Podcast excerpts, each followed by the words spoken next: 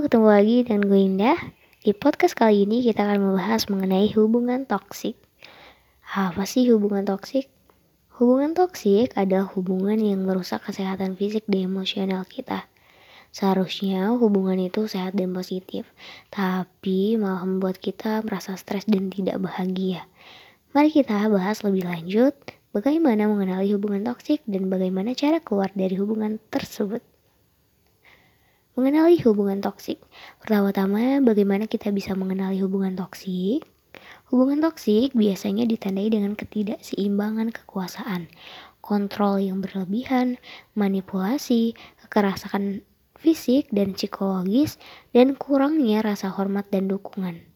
Kita sering kali merasa terjebak dan merasa sulit untuk keluar dari hubungan tersebut. Kita merasa tidak berdaya dan merasa tidak ada pilihan lain. Lah, terus dampak hubungan toksik ini apa sih? Dampak dari hubungan toksik ini yang pertama adalah hubungan toksik dapat memberikan dampak yang merusak kesehatan kita.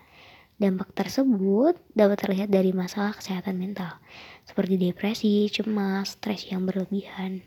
Itu rasain aja sendiri deh ketika lo berada dalam hubungan yang toksik yang lo terlalu dikekang, lo pasti akan stres. Dan itu bukan stres biasa, tapi stres yang berlebihan. Selain itu juga dampak yang bisa kita rasakan adalah pada kesehatan kita seperti kesehatan fisik, seperti sakit kepala, gangguan pencernaan, dan gangguan tidur. Wah, curiga nih yang suka diare, yang suka susah tidur, jangan-jangan terlibat dalam hubungan toksik. Hubungan toksik juga itu dapat memberikan dampak yang berbahaya bagi kesehatan kita. Oleh karena itu, kita harus segera keluar dari hubungan tersebut. So, gimana caranya keluar dari hubungan toksik? Langkah yang pertama adalah dengan mengakui bahwa hubungan tersebut tidak sehat dan merusak kesehatan. Kemudian, kita harus berani untuk memutuskan hubungan tersebut. Cobalah untuk melakukan hal ini atau cara-cara yang terhormat dan jujur dan pastikan bahwa kita tetap aman selama proses ini. Jadi jangan lupa cari dukungan dari teman dan keluarga yang dapat memberikan dukungan untuk kita untuk keluar dari hubungan toksik yang itu. Ya, ini akan membantu kita untuk merasa didengar, dipahami, dan merasa lebih kuat dalam menghadapi situasi keluar dari hubungan toksik.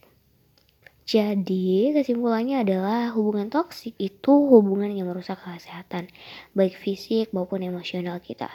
Dampaknya itu bahaya banget bagi kesehatan. Oleh karena itu, kita harus berani untuk keluar dari hubungan tersebut.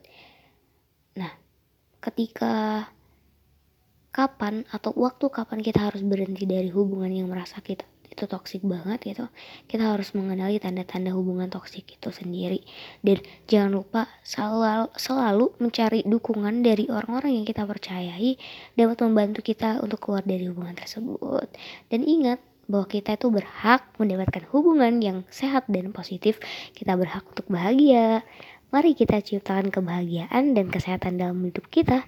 Terima kasih. Bye bye.